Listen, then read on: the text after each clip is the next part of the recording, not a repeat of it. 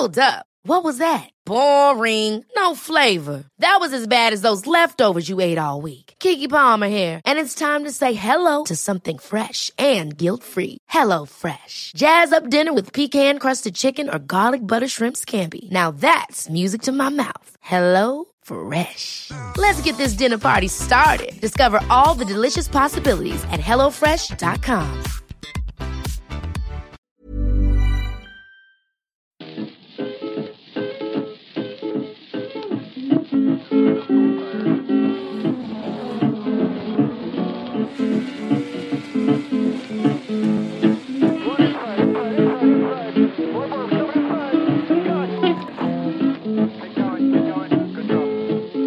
Wanna know where my easy rider goes. Said I wanna know where my easy rider goes. She's an easy rider, do ride all so long. Hej och välkomna till Indiepodden avsnitt 10. I det här avsnittet var det ju meningen att vi skulle gå igenom allt som skedde på banan i St. Petersburg, gå igenom alla förares eh, styrkor, svagheter, försöka analysera vad dagsformen för dem ligger och det var ju meningen att det var nu vi skulle glädjas åt svenskarnas framgångar i Florida. Nu blev det helt andra planer eftersom coronavirusets spridning runt om i världen har ställt allt på sin ända. Så vi kommer istället försöka förstå Indycars läge i stora, hela, vida världen. Häng med oss! Stackars Jakob. Du, du lät så... Nu kör vi. Det är det. Det är, det är Svårt att man är. låta... Det är lite så man Svårt att känner. låta jättepepp liksom. Ja, så är det verkligen. Nu kör vi pandemi istället för Indycar. Ja, Ska vi, ska vi döpa om Indiepodden till Pandemipodden? eh? Pandemipodden. Yes.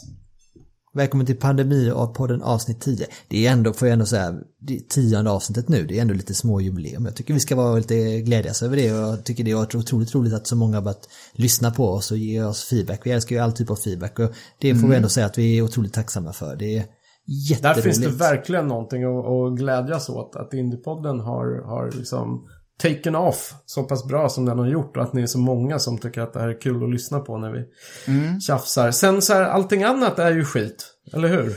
jo, jo, men jag tycker ändå eftersom det är ett jubileumsavsnitt, tar i trä, så avslutar vi med lite roliga saker. Så vi går inte bara igenom en massa tråkigheter, utan vi avslutar med lite något upplyftande, eller hur? Yes. Vi Ja. kan börja med de tråkiga grejerna. Ja. Och så avslutar vi på, på, på en höjd. Och var ska vi börja någonstans då? Vi, eh, Jag tycker vi, vi börjar med Corona va? Jo, Eh, om vi utgår från Indycar ska vi prata fredagen liksom när vi när det började ställas in och det skulle vara inför tomma läktare och grejer. För du har ju kunnat se detta på gång eh, Gergej ganska ett bra tag tillbaka med tanke på det du, du jobbar med. Ja, ja precis. Jag, jag känner mig lite sådär rättshaveristisk faktiskt.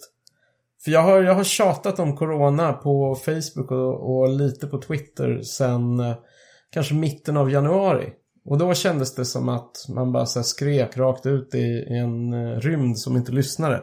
Så jag tror mina Facebook-vänner tyckte väl att jag var helt dum i huvudet som i februari fortsatte tjata om det här. Men jag är inte helt förvånad över att det har gått så långt som, som eh, det har gjort och att det har gått så fort som det har gjort. Så jag vet inte, vi kanske kan börja prata lite om det där. Va- varför, jag, varför jag överhuvudtaget vågar mig på att ha en egen åsikt om det här. okej. Det blev, verkar ju ändå bli ett, eh, en säsongspremiär i St. Pete och men det var ju på torsdagen då så gick de ut och sa att det, eller onsdagen så var det ju inreseförbud från och med fredag plötsligt. Och sen så på, men racet skulle köras inför tomma läktare och sen så på lördagen så blev det, ja nej det ställs in helt och hållet så där svängde det ju otroligt fort.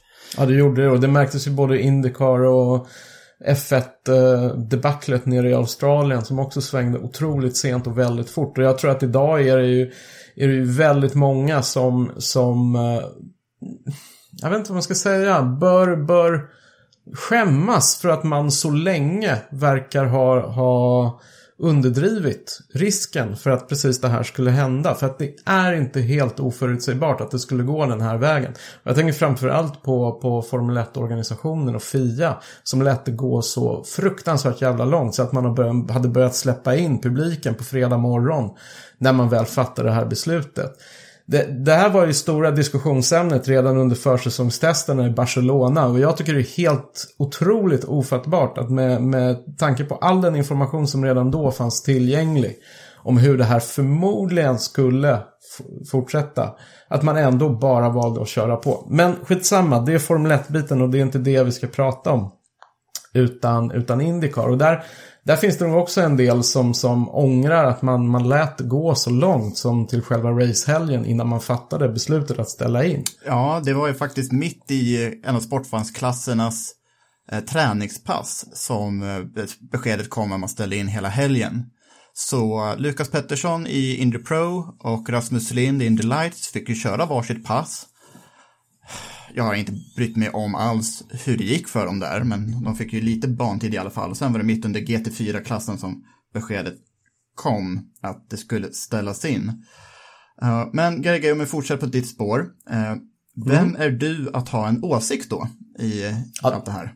Det är, det är en väldigt bra fråga. Speciellt nu när, när stämningarna är så extremt upptrissade och så mycket folk kastar skit över statsepidemiologen och, och berörda myndigheter så tycker jag man ska vara väldigt, väldigt försiktig med att, med att uttala sig och sprida en egen åsikt.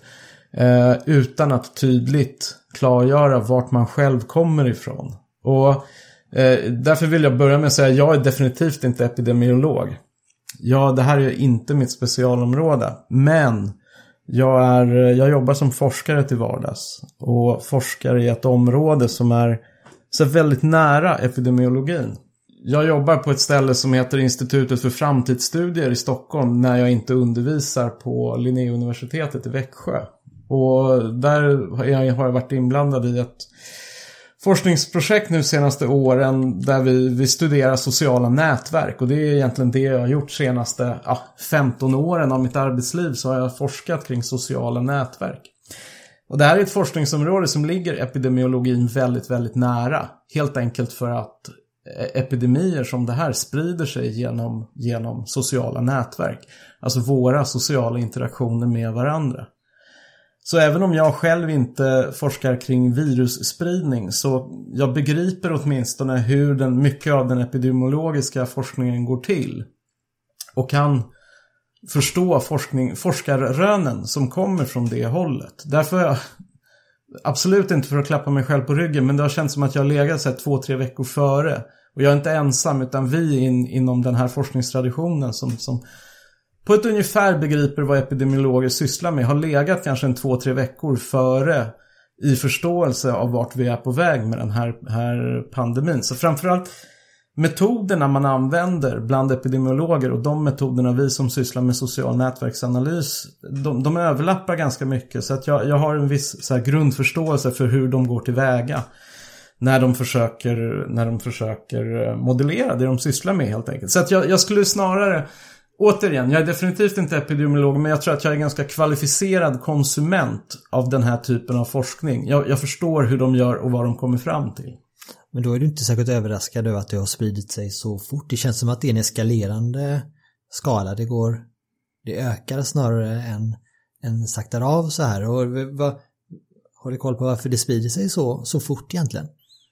Ja, absolut. För det första rent, eh, rent mikrobiologiskt eller virologiskt så, så handlar det om att det är ju väldigt smittsamt där. Det är inte, det är inte, det finns väldigt mycket mer smittsamma virus och, och andra typer av smittsamma sjukdomar. Det är absolut inte i, i, i toppen bland de smittsamma sjukdomarna. Men det är definitivt smittsamt. Eh, det är den ena biten. Den, den begriper jag nästan ingenting av. Men sen så finns det den rent samhälleliga, sociologiska delen av det här. Om varför ett sånt här virus eller mycket annat kan sprida sig så, så enormt snabbt i en global värld. En globaliserad värld som våran är.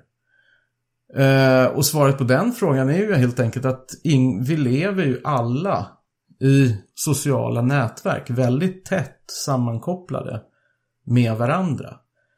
Ehm, det är därför inte bara virus utan i princip nästan vad som helst har egentligen själva infrastrukturen, förutsättningarna för att sprida sig genom våra sociala kontakter. Man har till exempel kunnat visa att det finns väldigt starka spridningseffekter när det gäller psykisk ohälsa eller hälsobeteenden.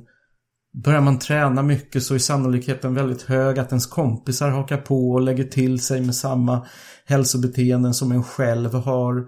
Så att vi, vi, påverkar varandra på väldigt många olika sätt genom våra sociala nätverk. Och det här är ju, det här är ju skräckexemplet, ett, ett smittsamt virus. I och med att vi alla lever i en uppsjö olika sociala relationer så har ju viruset hela tiden tillgång till en så gott som perfekt infrastruktur. Mm. Att hoppa från individ till individ och sprida sig. Eh, och det här funkar ju på en global skala. Det finns ju forskning som har visat att vi idag, inte bara idag utan har länge varit så oerhört globalt integrerade i, i ett och samma globala samhälle kan man säga. Så man brukar, man brukar prata om six degrees of separation som jag tror att många har hört talas om. Det är att i genomsnitt så befinner sig hela den globala befolkningen alltså sex sociala steg ifrån varandra. Om man tänker sig att ett socialt steg är från mig till min kompis. Så från mig till min kompis kompis så är det två sociala steg. Från, min kom från mig till min kompis, kompis, kompis så är det tre steg. Så bara sex steg bort är liksom genomsnitts, eh, genomsnittsavståndet i det här globala nätverket som vi alla ingår Men om vi, ett exempel då. Om jag skulle vilja skicka ett brev till Roger Penske, då skulle bara jag behöva ge det till en, alltså det skulle bara det här brevet behöva gå igenom sex händer innan det når Roger Penske. Ja, precis. Om du inte hade en direkt kontakt till Roger Penske så skulle du kunna skicka den till någon du känner som du trodde så socialt stod Roger Penske närmare. Mm. Och be den personen skicka det antingen till Roger Penske om de känner varandra eller skicka det till någon som står Roger Penske ännu närmare. Så det, det tycker jag är en fin illustration varför, varför ett sånt här virus kan få sån global spridning så snabbt. Och varför när de, när de tidiga nyheterna kom från Kina om hur Kina reagerade på det här och hur stor spridningen blev på det här. Och då, då tror jag att det var otroligt få av oss som ens har varit i närheten av den här typen av forskning inte begrep att okej, okay, det här kommer ju bli globalt. Alltså Kina är ju en sån enormt viktig del av framförallt vår, vår globala ekonomi. De är ju så extremt integrerade i hela världsekonomin så att det, det är ju i princip jag, jag, tror att det varit helt omöjligt att stoppa från den dagen det här blev en, en grej i Kina. Och vad ska man göra då? Alltså jag, jag tror att i nuläget så, så jag, det finns två saker. Jag tror först att man behöver acceptera. Och jag tror att det är fortfarande många sådär enskilda individer som inte riktigt har, har sådär, poletten kanske inte fullt ut har trillat ner. Att det här, det här är sådär, en väldigt stor händelse. I, i, som vi kommer prata om i förmodligen decennier. Och framförallt så, så tror jag att det kommer få sådär extrema ekonomiska konsekvenser. Som inte minst har med racingen att göra också. Men sådär rent konkret vad man ska göra för att, för att sakta ner spridningen. För jag, det går inte att stoppa spridningen. Men det går definitivt att sakta ner den. Det är att vi ska ägna oss åt det som är, är kallas social distansering. För precis som jag sa, i och med att alla vi har alla de här sociala nätverken som är som, som eh, ska man kalla det, motorvägar för virus att sprida sig. Vi behöver klippa av de här motorvägarna. Vi behöver liksom klippa av infrastrukturen, vägarna, ställa oss i vägen för virusen och inte låta dem sprida sig onödigt fort. Vi behöver liksom skära av smittspridningsvägarna och för, framförallt för att spara på de begränsade sjukvårdsresurserna så att de räcker tills åtminstone den här första vågen har, har börjat klinga av. Och det kan vi ju göra. Vi kan göra otroligt mycket. Jag såg en uträkning idag att man räknar med att varje smittad, varje coronasmittad smittar ungefär 2,5 andra i genomsnitt. Och det låter ju inte så himla mycket. Men om man låter den smittkedjan löpa på i samma hastighet, då har man efter 3, 30 dagar eh, givit upphov till 400 smitt, andra smittade. Eller över 400 andra smittade.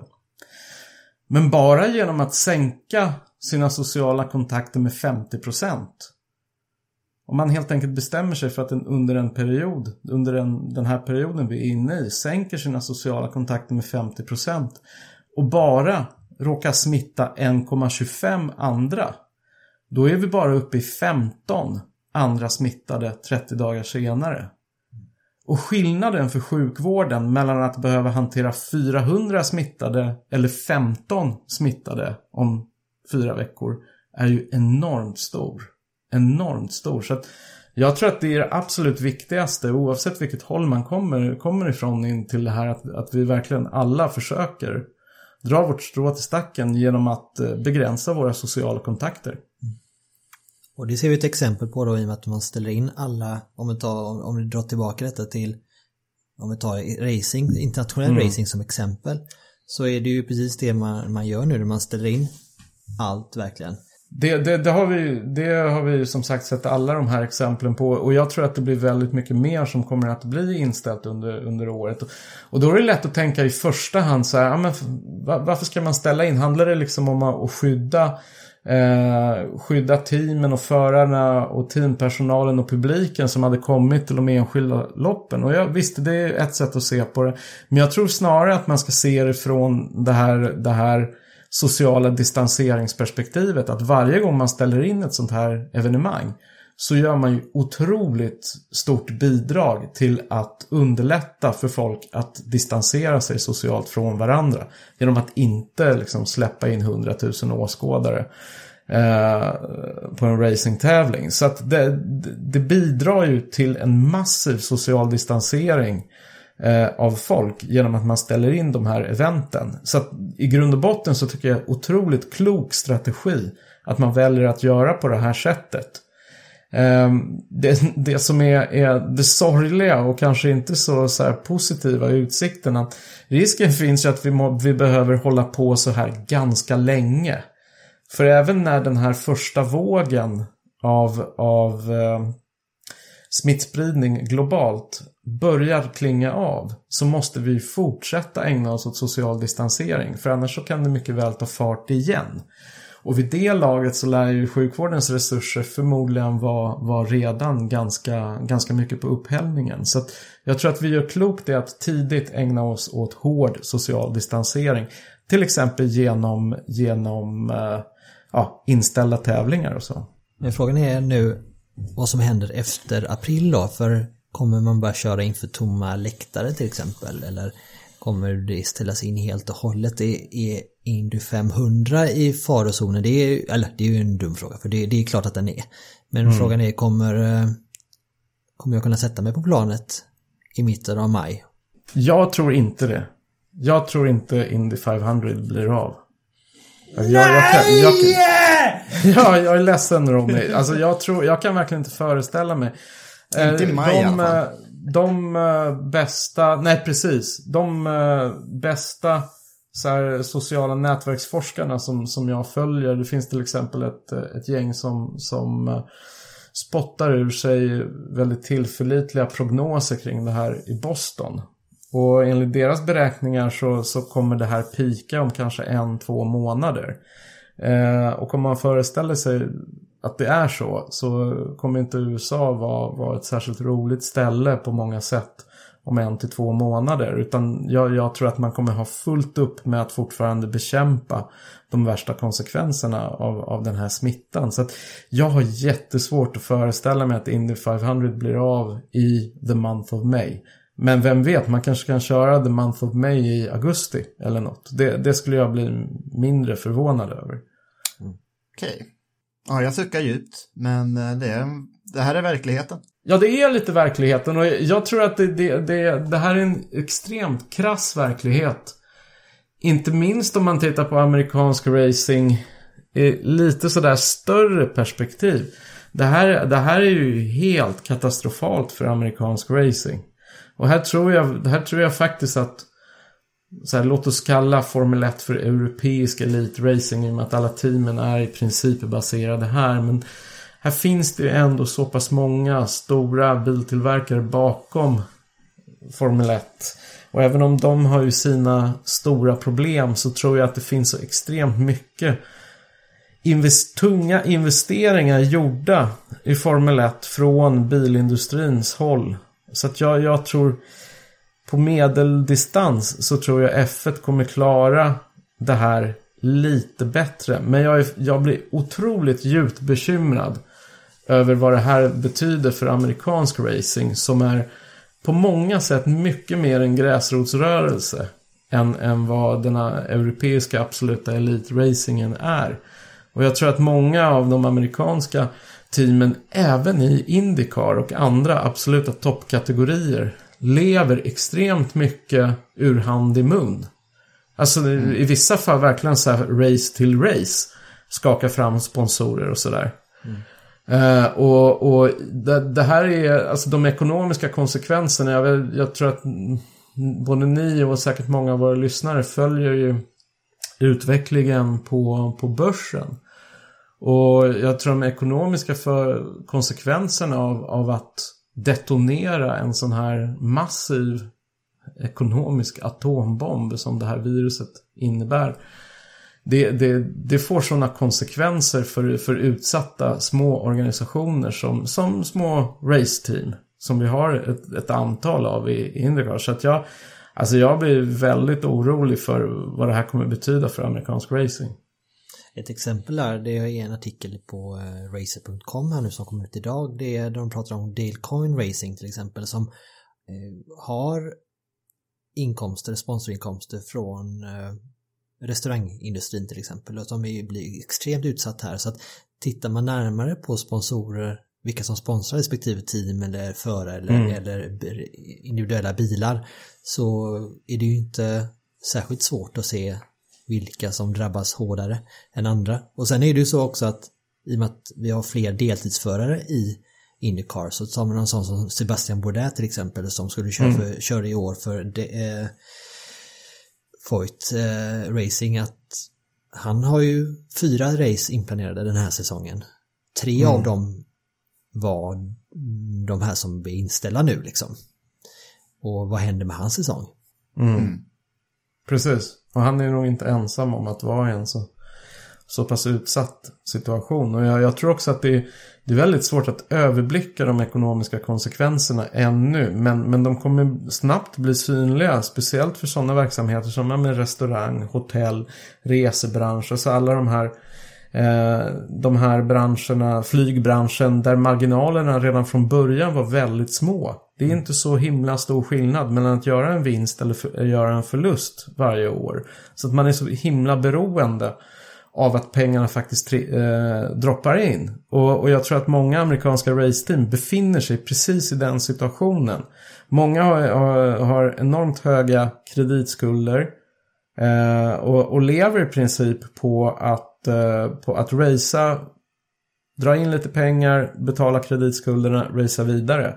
Men, men alltså om man så bryter upp den cirkulationen av pengar därför att sponsorerna plötsligt blir osäkra och, och deras aktier så här kraschar 30% då, då kommer det inte vara sponsring det första de tänker på utan det kommer vara överlevnad. Och det här har ju såklart med de, de övergripande ekonomiska problemen som många amerikanska företag eh, kämpar med. Många är ju enormt skuldsatta. Det är någonting som man inte har pratat så himla mycket om men vi har ju under, under en tioårsperiod så här, kört så här, extrem lågräntepolitik på många sätt. Och det har ju bidragit till att många amerikanska företag är extremt skuldsatta. Och, och, och det funkar ju att hanka sig fram så länge det är normaltillstånd och pengarna trillar in och du, du kan betala dina räntor för att de är låga. Men om du plötsligt klipper av klipper av den, eh, den eh, cirkulationen av inkomster så, så sitter ju man riktigt illa till. Jag såg en sammanställning över att de allra flesta amerikanska flygbolag kan hamna i, i så här rejäla problem redan inom fyra veckor. Alltså verkligen så stora problem så att vissa riskerar att gå i konkurs inom fyra veckor. Om det inte kommer in pengar. Och, och jag tror inte att bilden är, är så himla annorlunda bland många av de här småföretagen som utgör så här, grunden i amerikansk, eh, amerikansk racing. Och jag tror knappast att, att eh, racingsporten kommer vara sådär först över listan av industrier som, för, som får, eh, får eh, stöd från, från staten heller om det kommer till den situationen. Då kommer man ju mycket riktigt stötta sån verksamhet som är, som är helt avgörande för samhällets fortlevnad. Och då, mm. då, då, hamnar ju kanske racingindustrin inte i topp av den listan. Mm. Vi ska väl säga det att eh, vi känner med alla som har investerat pengar och tid, tagit ledigt från jobb för att åka på de här första loppen i St. Pete, Barber, Long Beach, Kota och så Indianapolis mm. förstås. Eh, mm. läst, jag har läst många kommentarer av folk som är besvikna, men de flesta har ju eh, förstått allvaret kring, kring, situationen och då eh, får också lov att säga att någonting som motorsportvärlden är väldigt bra på, det är ju solidaritet, att känna med varandra när det händer en olycka eller när industrin går på knäna, att eh, vi är väldigt bra på att hjälpa varandra, även om det är väldigt stora pengar och, och bara att känna med någon inte hjälper någon konkret på det sättet. Så vi är i den här kampen tillsammans får vi säga och vi får väl se till att, yes. att uh, göra något ljust av det när vi väl kan. Ja, uh, absolut. För in initiativkraften inom sporten, den kommer ju aldrig försvinna. Och uh, om vi är lite klara med de negativa nyheterna senaste veckan, Domedagsperspektivet. Ja, så kan vi ändå snacka lite om vad som skedde sen. Från och med i, i fredags morse när vi fick beskeden om Indycar, Formel 1, Nascar, allting ställdes in. För då finns det en liten bransch av motorsportindustrin som pekar rakt uppåt istället. Just det. simracing, e-sport, vad vi nu kallar det. Mm. Eh, där slöt vi eh, samman och det arrangerades ett antal större simracing-tävlingar, e-sport-tävlingar i olika discipliner med en herrans massa kända namn som ställde upp. Hängde ni med på den, mm. de grejerna? Ja, lite. Inte, inte precis allting. Jag såg eh, de här racen som eh, Felix var inblandad i. Mm. Det var tre större lopp som jag höll koll på. Eh, först var det The Race, eh, den här nya eh, motorsportnyhetssidan som eh, har en bransch som eh, kollar igenom e-sport på heltid. Och när det var hyfsat klart att det inte skulle bli något Australiens Grand Prix så drog de igång en sak, arrangerade ett, eh, ett evenemang i söndags där vi hade Felix Rosenqvist, Max Verstappen, Antonio Felix da Costa, Juan Pablo Montoya, Simon Pagenaud, eh, Ed Jones, för detta Indycar-förare, Eduardo Baricello, vars pappa heter Rubens. Um, Colton Hurta. Colton Hurta var med. Plus ett 40-tal eh, professionella simracingförare. Så det var 40, 50 kanske det var till och med, förare som, som stod på griden och skulle göra upp om eh, 10 000 dollar och det blev ju en jättesuccé med miljonpublik på en gång. Mm. Blev det så många? Mm. Vad coolt. Det tänkte jag inte på. Det var de stunderna jag tittade live var det kanske en 35 000 som tittade live. Men sen var det väl uh, säkert jättemånga som tittade efteråt. Ja, det var på YouTube som, var, när jag koll, ah. som jag använde var det ungefär 50 000 som kollade live. Och sen Twitch streamades det också på. Där har jag inte Just koll det. på hur många som kollade. Men Eh, allt som allt, eh, när måndagen var över i alla fall, så har de kommit upp i en miljon publik, vilket är ju otroligt kul. Och det här var bara ett av de här tre stora. På, senare på kvällen så Veloce E-sport, eh, också Simracing-nätverk, körde ett Not the Australian Grand Prix. Eh, Grymt namn tycker jag. ja, rätt kul namn. Där, hade vi Alex Albon, Sean-Erik Wern, är den som driver Veloce E-sport. Och sen Landon Norris. Eh, så några andra namn. Men mest e- simracingförare där. Och sen sist så hade Nascar sitt The Replacements 100. Eh, det var en, ett antal Nascar-förare från alla tre discipliner plus några passionerade, som Dale Earnhardt Jr. som eh, är väldigt stark drivkraft när det gäller eh, iRacing och Nascars eh, e-sportsida. Så det fanns en del racing att kolla på i helgen. Mm, absolut, men vad, vad tar vi med oss då? Vad tyckte vi? Ska jag börja? Mm. Ja, det, jag såg som sagt det här loppet som Verstappen och Felix var med i. Och jag tyckte det var väldigt underhållande faktiskt. Uh, nu, det, visst är det ett substitut. Men, uh, men uh, man såg ju ändå att det, det kräver ju en enorm skicklighet av de här riktiga förarna att ändå hänga med de här experterna. Eh, som, som jag imponerades av både av Felix som blev bästa riktiga förare och Mm. också Verstappen. Även om Verstappens race, finalrace gick ju inte så jättebra. Men eh, jag kör ju en del simracing själv. Jag tävlar inte. Jag bara kör för att jag tycker det är kul. Och det är ju det är väldigt, väldigt svårt. Eller jag tycker det är så här. Det är någorlunda lätt att komma upp till så här bli 95 procent. Ja. Men, men så här, sista 5 procenten, det är ju helt jävla omöjligt. Så att jag, jag imponeras verkligen av de här experterna. Hur de kan liksom vara så enormt jämna och stabila. Och det är det som är så speciellt just med simracing då som e-sportfenomen. Det är att det finns ju ingen annan motsvarighet inom e-sporten där man är så nära originalet om man får kalla riktig racing för, för det då. Eh, för det finns, säg någon annan e-sportevenemang där professionella racerförare kan sätta sig ner hemma eller där man nu är på tal om social distansering och köra mot vem som helst egentligen. Schack. Ja. inte, inte samma, samma tv-sport då, men, men tänk fotboll schack, eller ja, hockey. det är precis. Det går inte att ha en, Nej. en fotbollsspelares kontor kan man ju inte bygga upp i sitt sovrum som liksom jag har. Jag sitter vid mitt hemmakontor, jag har ett par pedal, några pedaler under mig, jag har en växelspak, jag har en ratt, jag har en skärm där jag kan se den här virtuella världen och Vi vill ha en bild i våra flöden på det där, Jakob. Ja, ja, det, jag, jag, jag delar gär- jättegärna med mig. Eh, jag, jag har hållit, på en del med simracing liksom sen jag var hur liten som helst. Det är lite så jag kom in i motorsportvärlden. Och, eh, det var ett tag sedan jag körde just iRacing. Jag kan skryta om att eh, jag var på typ fjärde hundrade plats i hela världen i iRacings eh, road course ranking eh, år 2011.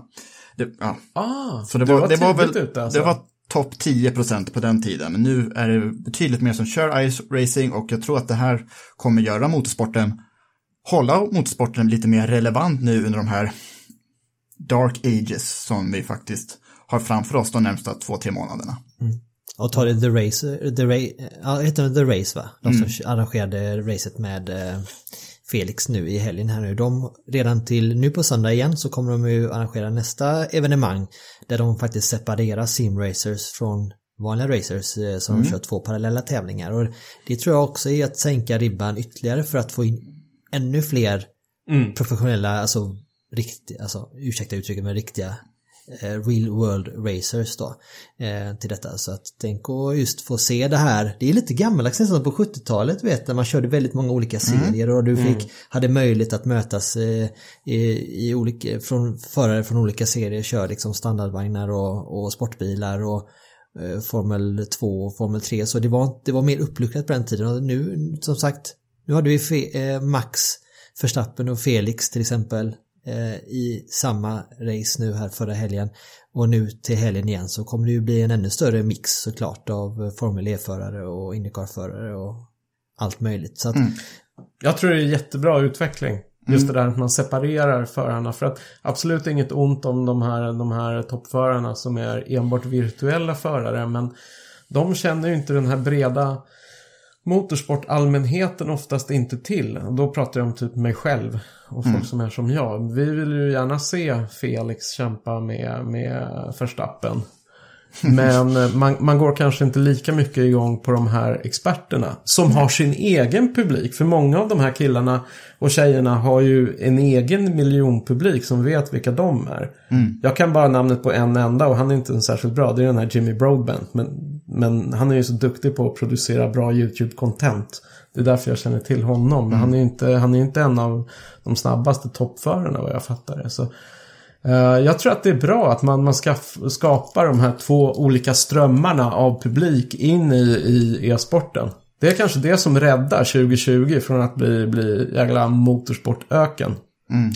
Ja, och tar du en sån som Lando Norris då i, i Formel 1 så han är ju verkligen en, en personlighet både online via då den här eh, sociala plattformen eh, Twitch, där det är som YouTube för, gamers kan man säga. Eller är det, dumt, är det, är det okej beskrivet eh, Jakob? Jag håller inte på med Twitch själv, men det finns Nej, säkert någon lyssnare som kan rätta oss på det. Ja, vi- jag Jag har faktiskt det. ett Twitch-konto bara för att jag skaffade det när Felix skaffade sig ett Twitch-konto och jag var tvungen att gå in där och kolla vad det är för någonting. Det är lite mer, mer eh, vad jag fattar, det är lite mer social, vettig social interaktion bland spelare än på, på YouTube.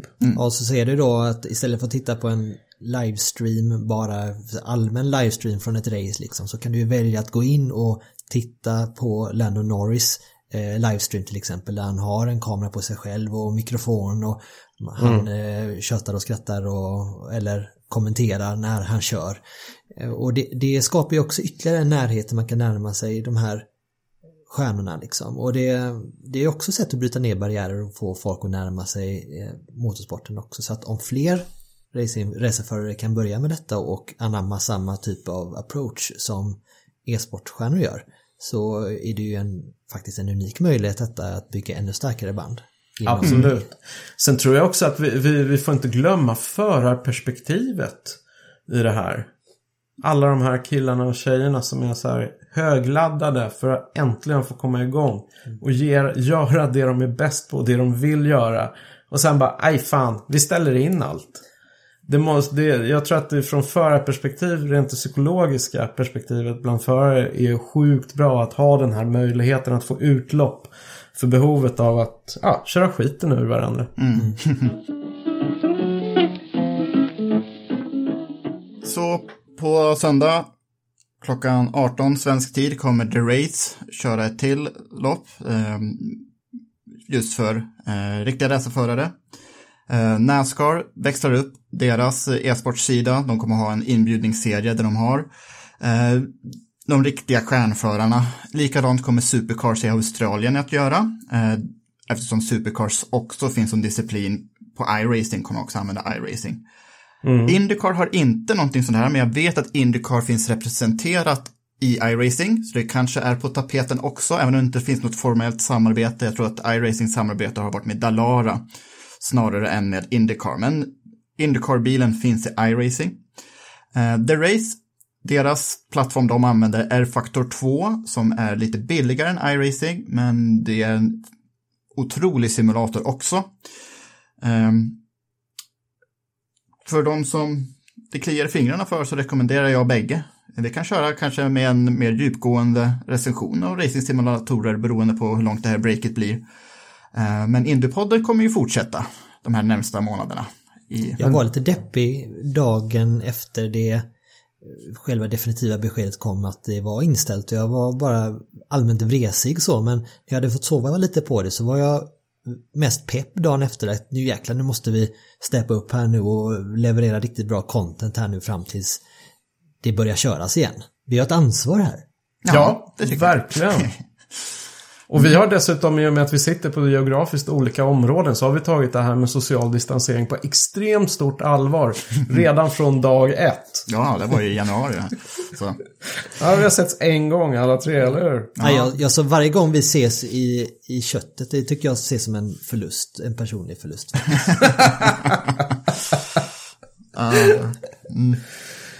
Nej, Jo jag då. saknar er. Men du kör väl också lite simracing, gör du inte det Ronny? Ja men vi gör ju det alla tre. Jag är ju fortfarande på eh, eh, Gran Turismo Sport kör jag ju.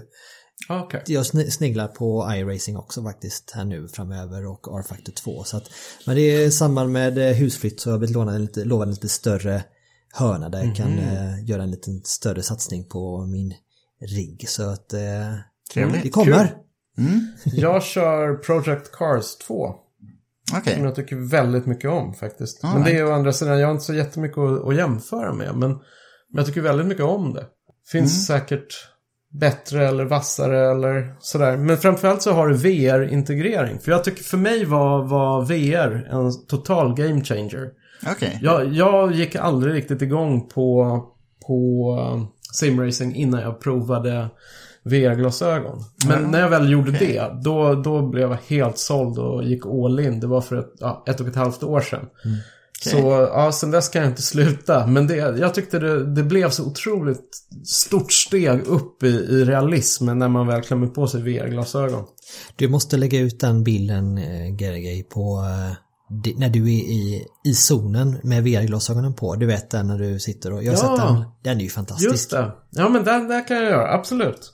Det kan jag sprida. Kan vi, nej, kan vi inte ha den som omslag till eh, veckans podd? Det kan vi ha. Istället Det för något jag. Jag ska negativt virusrelaterat. Det, vi ska, Ja, men den passar nog. måste hålla moralen hög nu tycker jag. Ja, kanske kan retuschera dit något stort virus. Ja. Nej, vi har jätte, vi har jätte eh, långtgående planer här nu för de närmsta veckorna vad vi ska hitta på för kul och vi... Eh, vad, vad säger vi om nästa vecka? Vad ska vi hitta på då? Mm, eh, vi måste gå igenom lite av Indycars historia också. Vi påbörjade det för några veckor sedan. Eh. Men med all uppladdning så prioriterade vi ner det, men nu kan vi ta igång det. Vi gick ju igenom alla tidigaste åren, om det var avsnitt fyra eller avsnitt fem, något, något sånt där. Ehm, så vi fortsätter med oh, 1930-talets te- depression då. Men det- vad passande! På något Ja, twisted vi, vi way. är på väg in i någon slags eh, ekonomisk depression och då kan vi prata om hur det var på 30-talet. Ja, och eh, spoiler alert, det gick bra för Indy-racingen på 30-talet, trots allt. Vi snackar om 30-talets Junkyard Formula och eh, vad som skedde vid Indianapolis under andra världskriget då i nästa avsnitt. Eh, vi har lite mer content att gå igenom. Vi, snackade med Stefan Johansson här om veckan till exempel och han pratade ju pratade sig varm om hans första Indycar-lopp 1992 och Just det vill vi titta nä- lite närmare på. Och eh, jag är nyfiken också på hans historia på Bump Day 1995 som han sa var liksom det, det värsta han, hade, han gick igenom. Så vi kan ju titta på det också eh, i framtiden. Så vi har gott om content för våra lyssnare de närmsta veckorna. Ingen fara. Nej, det är li- lite sköna temaavsnitt. Det är ju perfekt nu. Det är, man får utnyttja den här tiden när det går lite långsamt på den vanliga nyhetsfronten i, i Indycar och annan motorsport. Så får man ju titta lite bakåt istället. Ja. Men vi kanske ska ta avrunda där. Mm. För den här veckan. Ja. Jag kryper tillbaka in under munskyddet och Vi andra ihop går mig. tillbaka till simracingen. Ja. ja, det tänkte jag också göra. Det gör jag Ja. också. Men hörni, alla som lyssnar, hör av er. Nu i kristider så behöver vi varandra. Så det är bara att höra av sig om ni har inspel, frågor, saker ni vill att vi ska snacka om eller vad det än må vara. Dra er inte för att höra av er. Ja, och förslag på gäster också om det är något särskilt ni vill höra, någon särskild historia ni vill eh, att vi ska liksom skildra så kan vi försöka, vi tar gärna emot eh, förslag på det också. Och hörni, en sak till. Låt oss tacka vår kära samarbetspartner Automotorsport för ett gott samarbete. Ja, absolut. Och har ni missat det så gå gärna till eh, tidningsbutiken, din lokala tidningsbutik och plocka upp det nya temanumret om, Ja. som var inför Formel 1 och Indycar-säsongen. Den är ju högst relevant för det vi är ju fortfarande inför säsongerna här. Absolut, det är vi. Alla vi tre har bidragit till det numret. Och jag måste säga att det blev ju ett sjukt jäkla bra temanummer. Alltså verkligen. Och, och tittar man på innehållet så är det nästan allt som tidskriften innehåller är högrelevant. Även trots att säsongerna inte har kommit igång. Så att det är väldigt breda, intressanta utblickar över allt ifrån Indycar-historia till Formel 1-sportens gröna omställning framöver. Alltså ett väldigt roligt temanummer om man är det minsta motorsportintresserad. Så Mars pannkaka iväg och köp Edition F1. Och Indycar. Förstås. Bra, jättebra. Tack för idag. Tack själva. Puss. Hej då. Said I wanna know where my easy rider gone. Said ever wonder where my easy rider's gone? She's an easy rider, but she do ride hard so long.